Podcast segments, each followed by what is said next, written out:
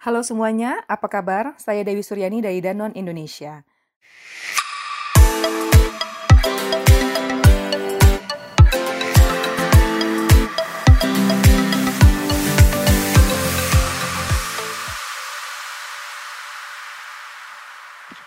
Oke.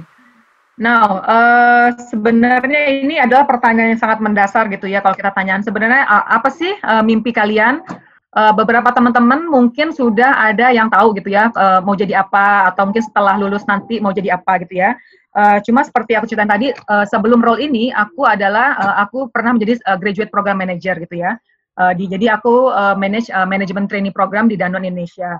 Nah, pengalamanku di dua setengah tahun di role tersebut, aku melihat bahwa banyak sekali anak-anak lulusan uh, kuliah gitu ya, itu begitu masuk kerja, mereka tuh nggak tahu gitu ya. Jadi, just to give you uh, gambaran, setiap di MT itu setiap kali kita buka itu ada sekitar uh, 50 ribu aplikan yang mendaftar untuk posisi yang hanya 52 orang gitu ya rata-rata. Nah, ketika ditanya itu artinya adalah apa? Artinya kalian uh, satu orang itu compete dengan uh, mungkin seribuan orang lainnya untuk bisa mendapatkan role tersebut gitu ya. Nah, uh, yang kita cari itu sebenarnya orang yang memang benar-benar clear dengan passion dia. Kenapa dia mau chase the, uh, apa role ini? Kenapa ini menjadi penting buat dia? Nah, pengalaman yang yang aku lihat itu banyak orang-orang anak-anak uh, lulusan kuliah itu mereka masih nggak ngerti gitu loh. Sebenarnya Uh, kenapa sih ngambil engineering gitu ya waktu kalau misalnya ditanya kenapa kamu dulu lulus eh, apa kuliah di uh, engineering gitu mereka tuh nggak tahu gitu loh kenapa uh, mereka uh, mereka nggak punya solid reason kenapa mereka ngambil engineering gitu ya. Atau juga sering kali isunya adalah mereka itu uh, cuma sekedar follow the crowd gitu ya. Artinya teman gue ikutan mbak waktu itu teman-temanku teman-teman terdekatku itu ngambil engineering. Jadi uh, atau ngambil FI, uh, fakultas ekonomi gitu. Jadi aku ikut-ikutan aja gitu ya. Dan juga ada beberapa yang ngerasa bahwa sebenarnya engineering itu bukan passionku, tapi aku uh, mengikuti kemauan orang tua. Nah ini paling sering banget nih yang uh, yang aku temuin. Uh, jadi sehingga sebenarnya itu bukan passion dia, tapi uh, just out of respect terhadap orang tua, keinginan orang tua gitu ya. Akhirnya mereka memilih jalur-jalur yang sebenarnya tidak sesuai dengan passion mereka. Ada juga orang yang uh, memilih uh, memilih function ter, uh, apa role major tertentu ketika kuliah itu karena mereka ngeliat tren saat itu. Wah, kayaknya data scientist, uh, data science lagi booming nih. Ah, oh, kalau gitu gue ngambil IT deh gitu loh. Oh, kayak uh, kayaknya marketing lagi booming nih. Kalau gitu gue kuliah ngambil marketing gitu. Jadi mereka hanya mengikuti tren saat itu. Padahal kan uh, apa ya tren tren um, uh, apa profesi itu kan bergerak terus gitu ya. Atau juga mereka nggak punya uh, clear direction ketika mereka memilih suatu uh, suatu uh, suatu jenis pekerjaan atau suatu function, uh, suatu uh, major ketika kuliah gitu ya. Uh, sehingga mereka itu sebenarnya kalau aku lihat in general itu mereka fail to discover their lives. Jadi mereka tuh nggak memahami dulu sebenarnya apa sih yang eh, what drives me gitu ya, apa yang menjadi motivasi terbesar saya. Atau ada orang yang sekedar ambil kuliah karena memang ya daripada nganggur mendingan gue kuliah gitu untuk sosialisasi. Nah ini lebih parah lagi sih menurut aku gitu ya. Oke, okay, uh, next. Nanti uh, sesi pertanyaan kita buka di belakangan aja ya. Tapi unless you really have uh, something to to ask, feel free to raise hands. Nah, sekarang pertanyaannya adalah uh, kalian sadar nggak sih bahwa setiap uh, orang itu rata-rata menghabiskan 50.000 sampai 1.150.000 waktunya untuk their career gitu ya. Jadi kalau this is uh, this is a picture of a, an adult life gitu ya. Uh, ini adalah komponen-komponen dari masa kita child, childhood gitu ya ada 175 ribu uh, jam yang kita habiskan di masa kecil lalu di masa dewasa itu ada sekitar 250 ribu jam dan uh, 150 50 sampai 150 ribunya itu kita habiskan di karir kita artinya adalah dalam satu hari kita menghabiskan 8 sampai 10 jam bekerja gitu ya Sisanya ada uh, waktu senggang, hobi, travel, bermain sama teman gitu. Dan sisanya lagi adalah traveling, eating, washing, exercising, logistik lainnya gitu ya. So this means adalah bahwa uh, your life is too short to live the life you, that you don't live, that you don't love gitu ya. Jadi hidup kita tuh sebenarnya sangat singkat untuk menjalani kehidupan yang kamu tuh nggak nggak cintai sebenarnya gitu ya. So be very careful. Uh, makanya ini penting kenapa you need to find your true self sebelum akhirnya kalian bisa memilih your true your dream career, your your your, dream job gitu ya. Oke, okay, next. Nah, uh, sekarang ada pertanyaannya adalah sebenarnya gimana sih Mbak kalau gitu cara kita bisa membuat uh, career decision making process nih? In a very simple, uh, in a very simplest format, ini aku gambarin ada sekitar one, two, three, four, ada five stages gitu ya atau five steps uh, for you to be able to make a decision career, uh, decision making process for for your career gitu ya first thing first you have to discover yourself. Discover yourself itu artinya kamu tuh harus mengerti uh, ada uh, pertama kamu harus discover yourself lalu um, uh, explore options options apa yang pilihan-pilihan apa yang kalian miliki lalu you need to make decision take actions and evaluate decision. Oke okay, we're going to uh, we're going to apa discuss uh, one by one. Oke okay, next Rima. Nah ini adalah contoh yang sebenarnya jauh lebih sophisticated bagaimana caranya kamu bisa be proactive in your career and life choice gitu ya. Uh, ini sebenarnya sama uh, secara secara konsep sama dengan uh, uh, diagram bagan yang tadi cuma ini uh, in a more uh, in a more comprehensive way. Jadi sebenarnya you need to ask your basic question what is uh, uh, what what do you want to do with your life gitu ya. Uh, lalu setelah itu kalian uh, make your choices uh, dan ini terus bergerak. Jadi bear in mind bahwa karir itu bukan sesuatu yang statik gitu ya. Uh, karir itu bisa berubah sejalan dengan perkembangan uh, perkembangan kamu menemukan dirimu sendiri. Itu akan kita bahas lagi lebih detail nantinya ya. Oke, okay, next. Nah, sekarang bagaimana sih? Tadi kan step pertama adalah kita harus discover uh, discover ourselves gitu ya. Ada beberapa aspek yang bisa kalian gunakan untuk yang yang bisa kalian pikirkan untuk mengerti diri kalian sendiri gitu ya mungkin uh, saat ini teman-teman umur sekitar 20 sampai 25 gitu ya. Jadi uh, some of you may have think about this, some of you may not gitu. Ya. Nah, ada uh, ada beberapa personal aspek yang harus kalian pikirkan sebelumnya. Contohnya personality. Personality ini di sini adalah you need to understand what type of person are you apakah kamu yang data oriented atau orang yang senang uh, so, uh, apa berkomunikasi dengan orang gitu ya apakah kamu tipikal orang yang senang di belakang meja atau out in the field gitu jadi uh, setiap jenis uh, kerjaan itu punya punya different nature gitu ya nature-nya berbeda-beda dan itu kamu juga harus pahami sebelum kamu menentukan karir kamu. Jadi itu personality type. Kedua adalah skills skills apa sih yang dibutuhkan untuk successful di karir yang ingin kamu capai gitu ya. Contohnya untuk menjadi data scientist gitu loh. Skill apa sih? Tentunya kamu harus ngomong tentang big data, large data set management gitu ya. Tentunya kamu ngomong tentang Excel atau kamu ngomong tentang Python atau segala macam uh, beberapa uh, skill yang memang dibutuhkan untuk bisa successful in that role atau in that career gitu ya. Lalu interest. Nah, interest ini jangan lupa gitu loh. Uh, bahwa bear in mind bahwa you're going to spend 8 to 10 days a day, 10, 10 hours a day to do the job gitu ya. So you really need to have a big interest in it gitu. Kalau enggak, life is gonna be boring and then uh, you're not gonna be motivated gitu ya. So interest kamu sebenarnya apa gitu kayak, kayak contohnya, oh gue senang marketing, cuma what part of marketing that really interests you? Is it the managing uh, the productnya gitu ya, the product managementnya, ataukah uh, karena kan marketing itu juga banyak gitu ya. Jadi ada yang ngomongin tentang brand management, ada yang ngomong tentang customer relation management, ada yang ngomong tentang uh, digital marketing gitu, ada yang ngomong tentang activation gitu. Nah, uh, jadi mark, dari even dari marketing pun sebenarnya luas. Mana yang benar-benar yang, yang kamu sangat tertarik gitu. What is your biggest interest in? Gitu. Nah, kamu tuh harus tahu juga. Jadi di function yang function-function itu kamu harus tahu sebenarnya uh, the nature of job seperti apa dan uh, seperti uh, skill apa yang dibutuhkan gitu ya. Nah, values, values ini uh, artinya adalah sebenarnya kamu uh, uh, kalau ketika memilih karir itu kamu harus tahu gitu loh. Uh, yang ingin kamu capai out of it itu apa? Valuesnya apakah kamu sebenarnya dengan dengan pekerjaan itu ingin membantu orang lain? Kayak contohnya dokter, uh, perawat atau misalkan uh, guru atau dosen gitu ya. Karena uh, valuesnya itu jelas gitu. Gue pengen kayak for me one of my values is facilitating others learning that's my values. Makanya aku akhirnya jadi nanti jadi HR, terus pindah jadi lecturer karena uh, I still stick to my own true values. That means I love to uh, facilitate others learning. That's my true values gitu ya.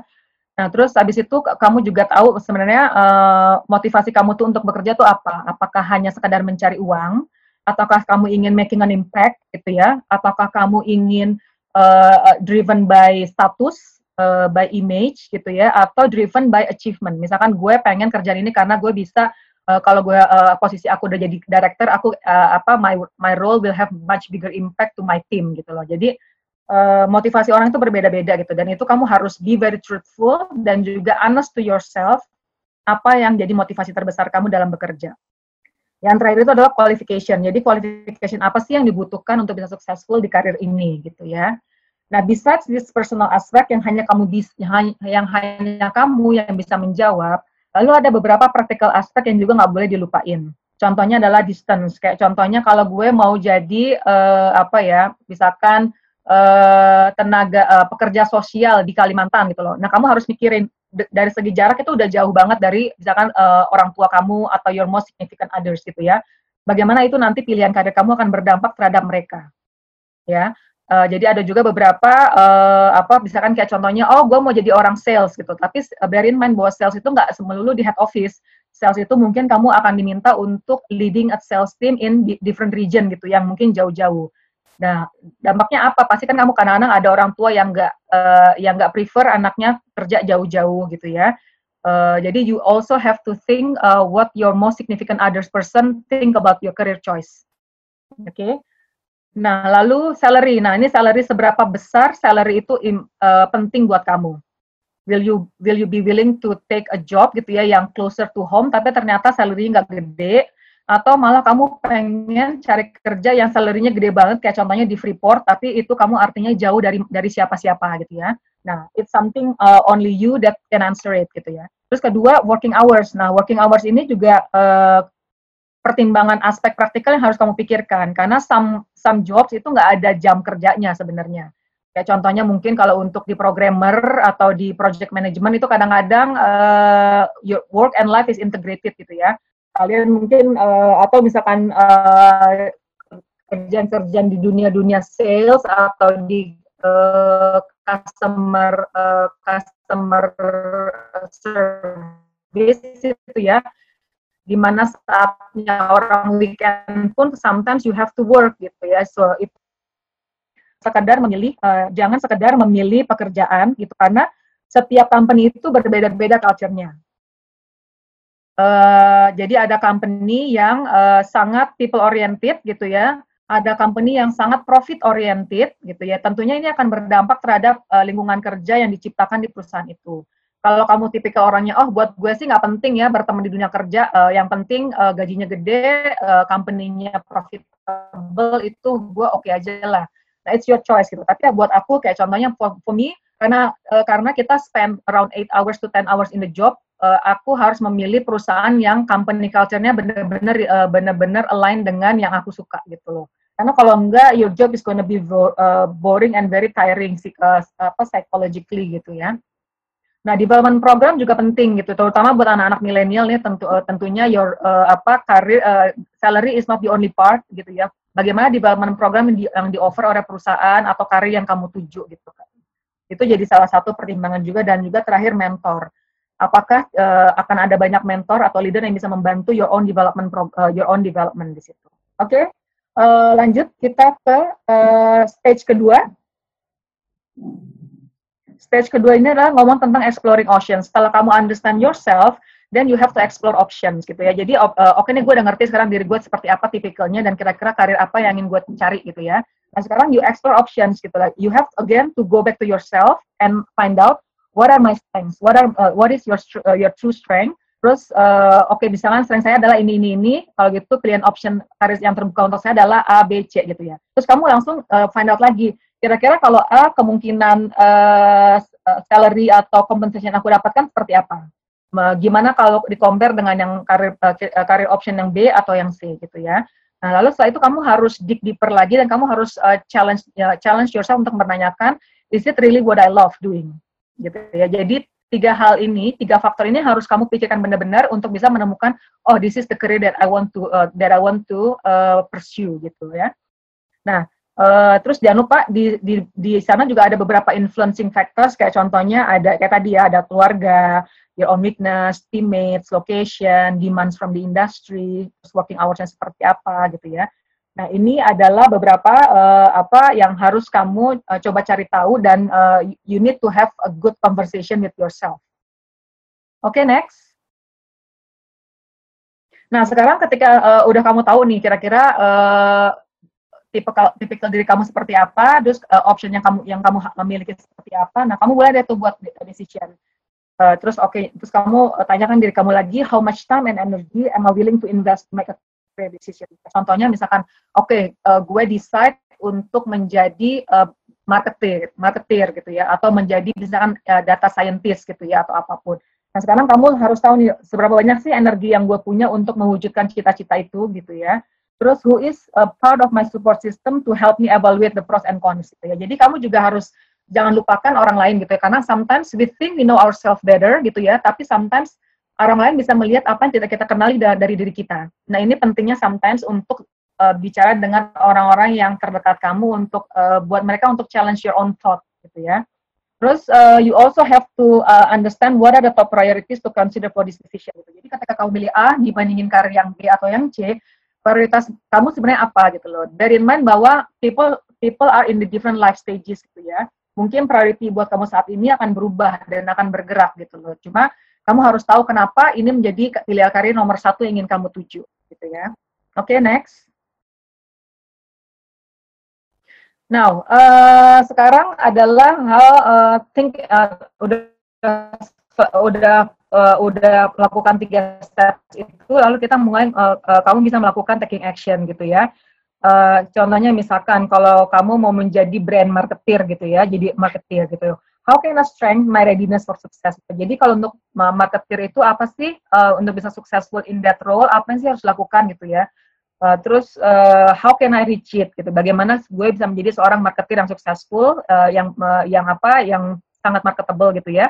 Terus what action can I take now gitu? Jadi biasanya sekarang, oh kalau gitu kayaknya untuk marketing itu dia butuh uh, data, uh, mereka butuh untuk understand uh, consumer insight gitu loh. Jadi kamu udah bisa cari tahu dari sekarang belajar tentang consumer insight, belajar tentang digital marketing, belajar tentang apa, bagaimana sih membaca uh, data-data market research gitu ya. Terus which on of, uh, terus kamu juga bisa tanyakan which of your talents can you uh, sekarang kan udah banyak banget tuh online-online classes yang kamu bisa sign up gitu ya dari yang mulai free sampai yang berbayar. Dari yang mulai free sampai yang berbayar untuk kamu bisa sign up ke kelas-kelas yang uh, apa sesuai dengan minat atau bidang kamu. Oke, okay, next.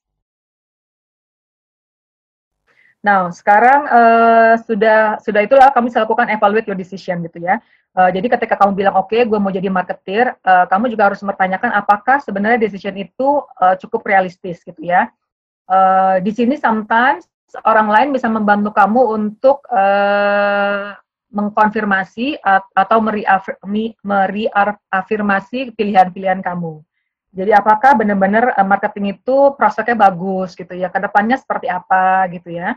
Terus is there anything preventing me from achieving this goal? Kayak contohnya apa sih ada kira-kira hal yang membuat gue nggak akan berhasil di role ini atau berhasil di karir ini gitu ya. Terus kamu juga harus uh, mulai memikirkan tentang who in my support system can assist me with achieving this goal. Kayak contohnya gue mau jadi successful marketer gitu loh. Terus kamu coba cari tahu, oh di lingkungan lingkungan terdekat saya siapa sih yang udah punya sudah menjadi seorang marketer. Kamu bisa belajar tuh dari dia gitu loh uh, terus bisa mulai jadi apa tanya-tanya tentang kehidupan sebagai marketer seperti apa, challenge-challenge yang nanti akan dihadapi seperti apa, terus skill-skill apa yang dibutuhkan gitu ya untuk mempertajam pilihan karir kamu. Oke, okay, next.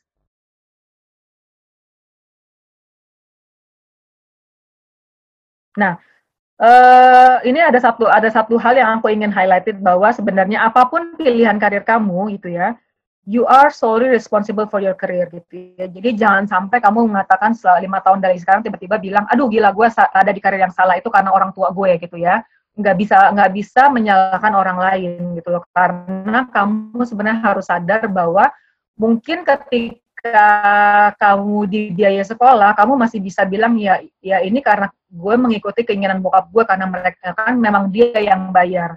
Uh, you still can say that gitu ya tapi kalau udah uh, bekerja itu kamu you can never blame it on your parents or your whatever gitu ya. Karena uh, anyway it's uh, kan kamu juga udah harusnya udah nggak tergantung lagi sama orang tua gitu ya. Uh, ketika kamu you have your own income gitu ya. So so you should take all the responsibility of whatever career choice that you make gitu ya. And you have to accept risk and plan for the future to advance your career gitu. Jadi setiap uh, setiap profesi itu tentunya mengalami uh, apa ya perubahan dan uh, evolusi gitu ya. Jadi Uh, kayak contohnya aku nih, dulu uh, mungkin lima tahun lalu itu nggak ada orang uh, dengan type di HR dengan title employer branding manager gitu ya. Di Indonesia ketika aku uh, megang role ini empat tahun lalu itu baru ada lima orang. Jadi itu something dan uh, apa profesi, yang baru di HR uh, yang memang mengikut, uh, mengikuti perkembangan zaman gitu ya. Jadi so you always have to plan for the future to, to advance your career. Jadi never stop learning basically. Uh, terus yang kamu harus ingat juga adalah bahwa a college degree does not guarantee employment. Jadi kalau ada yang bilang, oh gue punya uh, punya S2 nih, tapi I'm sorry to say, but that doesn't guarantee that you will get your dream job, gitu ya. Karena uh, you'll be fighting with other people, uh, not only in Indonesia, gitu ya, mungkin juga di luar sana, dan dari negara-negara lain yang fighting for the same job. Gitu. Apalagi dengan dibukanya keran apa sekarang ini, jadi uh, you you will become competing with uh, people from different nationality actually a commitment to lifelong learning will will will help keep you employable gitu ya. Jadi uh, kalau kamu masih berpikir bahwa oh ya I will stop, uh, gue akan berhenti belajar ketika gue sudah kerja, nggak bisa gitu. Justru ketika kalian kerja, there's much you will realize that there are much more things that you you haven't learned before and that you don't know gitu ya. So you always have to keep a learning and you always have to advance yourself with uh, with or without support itu. Artinya adalah apa? Kamu jangan juga tergantung pada perusahaan untuk memberikan that learning opportunity. You have to find that learning opportunity. Jadi sekarang kan banyak banget nih ada tools, ada teknologi yang membuat kamu bisa belajar dari different sources gitu ya. So always uh, always rely on yourself to advance yourself. Nah ter, uh, terakhir itu adalah yang aku pengen highlight adalah the more you know, the greater your marketability. Artinya adalah semakin banyak yang kamu tahu, nilai jual kamu di pasaran itu semakin tinggi gitu loh. Karena uh, tapi bukan cuma sekedar tahu ya tahu dan juga sudah menjalankan gitu ya atau experiencing something gitu loh. Uh, karena kalau cuma sekedar tahu uh, kadang ketika ditanya atau dalam interview itu kelihatan sih mana yang orang benar-benar cuma sekedar tahu membaca atau memang tahu memahami gitu kan ada bedanya ya antara tahu membaca dan tahu memahami. Oke, okay, last uh, last slide. Sebelum kita mulai tanya jawab nanti karena pertanyaannya cukup banyak tadi yang aku sudah apa kita sudah uh, sudah kumpulin. Nah, satu hal yang aku pengen uh, lagi highlight adalah jangan takut untuk merubah your career uh, direction gitu ya. Maksudku ya misalkan contohnya sekarang kalian tuh udah coba membuat karir apa uh, think about your career udah sedetail mungkin gitu ya. Setelah jalanin 2 tahun 3 tahun ternyata you know that this is not the career that you want gitu ya. Setelah kamu benar-benar masuk ke dalam pilihan karir kamu ternyata kok industrinya begini ya. Kok ternyata nature of jobnya kayak gini ya nggak sesuai dengan yang gue bayangin and uh, and if you face that situation it's okay for you to say and to uh, to say this is not the career that i want. I need to move. I need to change and shift my direction completely.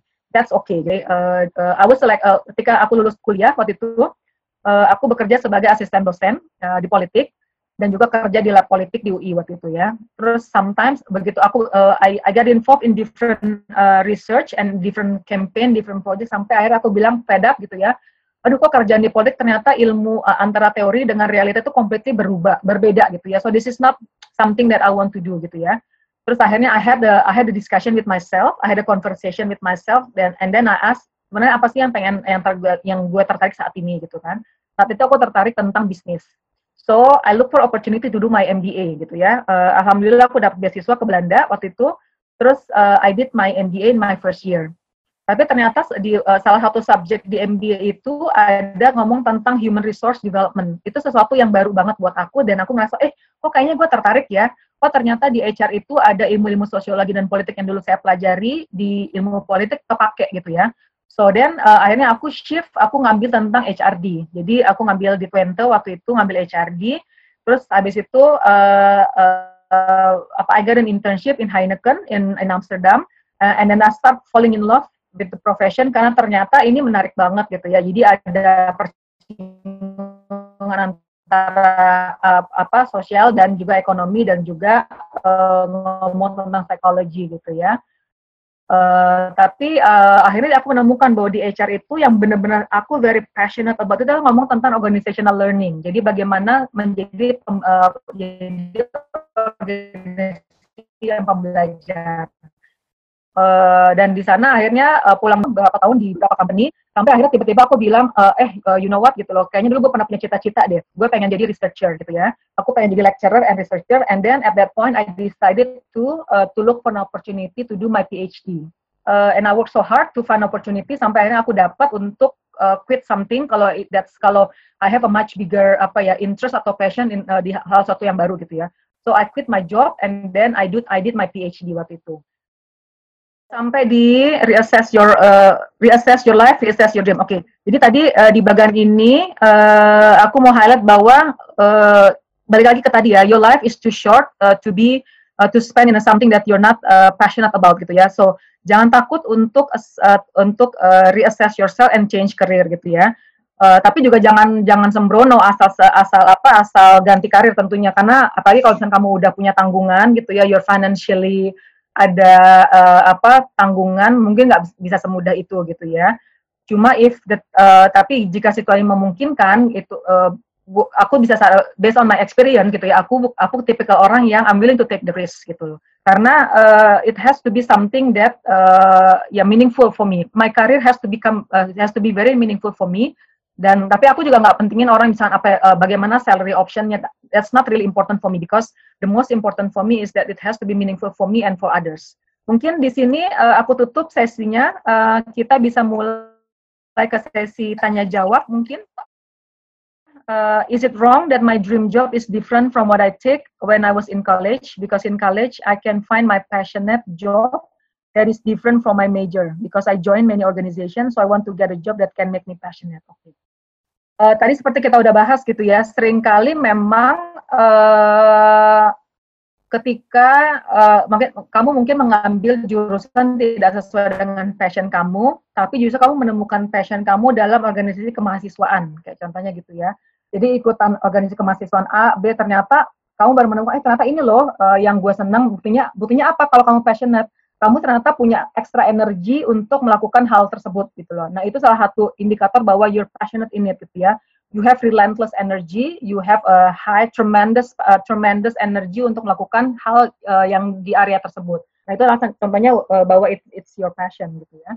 Nah, is it wrong? Enggak wrong gitu loh, enggak salah juga gitu ya. Tapi artinya adalah apa? Kamu harus bisa uh, jangan jangan bikin uh, kesalahan dua kali gitu ya contohnya jadi kalau udah kuliahnya salah, eh, kuliahnya tidak sesuai dengan apa yang kamu minati, kamu bisa mulai mencari kerjaan di uh, di pekerjaan yang kamu minati gitu. Jadi kayak contohnya dulu kalau kita uh, kita lagi rekrut anak-anak manajemen trainee gitu, kita suka tanya, oke, okay, uh, kamu mau uh, mau kalau mau jadi uh, di, uh, jadi MT, which function do you want to uh, become an MT in? Gitu loh. Banyak banyak yang kita temuin adalah orang-orang yang yang belajarnya misalkan kayak contohnya dia belajar di engineering they want to become a marketing marketer gitu ya. Atau dia mau uh, oh gue belajar teknik, teknik kimia mbak gitu. Tapi gue mau apply uh, jadi MT di HR gitu loh. Ya nggak apa-apa juga buat kita gitu loh. Karena buat kita adalah sebenarnya yang lebih penting adalah uh, what do you have uh, what is it uh, what what do you have to be successful in the role gitu ya. Dan kita lihat kan sebenarnya kan adalah skill-skill uh, yang soft skills bukan lagi sekedar ilmu your background gitu loh your engineering background will help you in assessing data probably atau in uh, developing your logical thinking gitu ya. Tapi juga sebenarnya kan ada skill-skill yang sangat transferable di major apa pun yang kamu ambil yang itu sebenarnya uh, yang itu sebenarnya uh, basic qualities yang kita cari ketika uh, kita mencari kandidat sebenarnya. Jadi uh, dan inilah yang kita temukan di banyak anak-anak mahasiswa makanya waktu itu aku di uh, di, uh, di apa di Dancom kita come up dengan hashtag you're more than just your background. So you really have to know that your life is not just your background, that you have other skills yang mungkin kamu nggak sadar, tapi sebenarnya kamu udah develop gitu ya. Develop melalui organizational activity, melalui apa eh, kegiatan-kegiatan mahasiswaan atau sosial yang yang akhirnya membuat kamu uh, develop certain skills yang dibutuhkan di dunia kerja. Mungkin itu yang bisa aku jawab. Semoga uh, cukup menjelaskan. Pertanyaan ketiga adalah what is the key skills to get a job that outside the uh, outside of the major.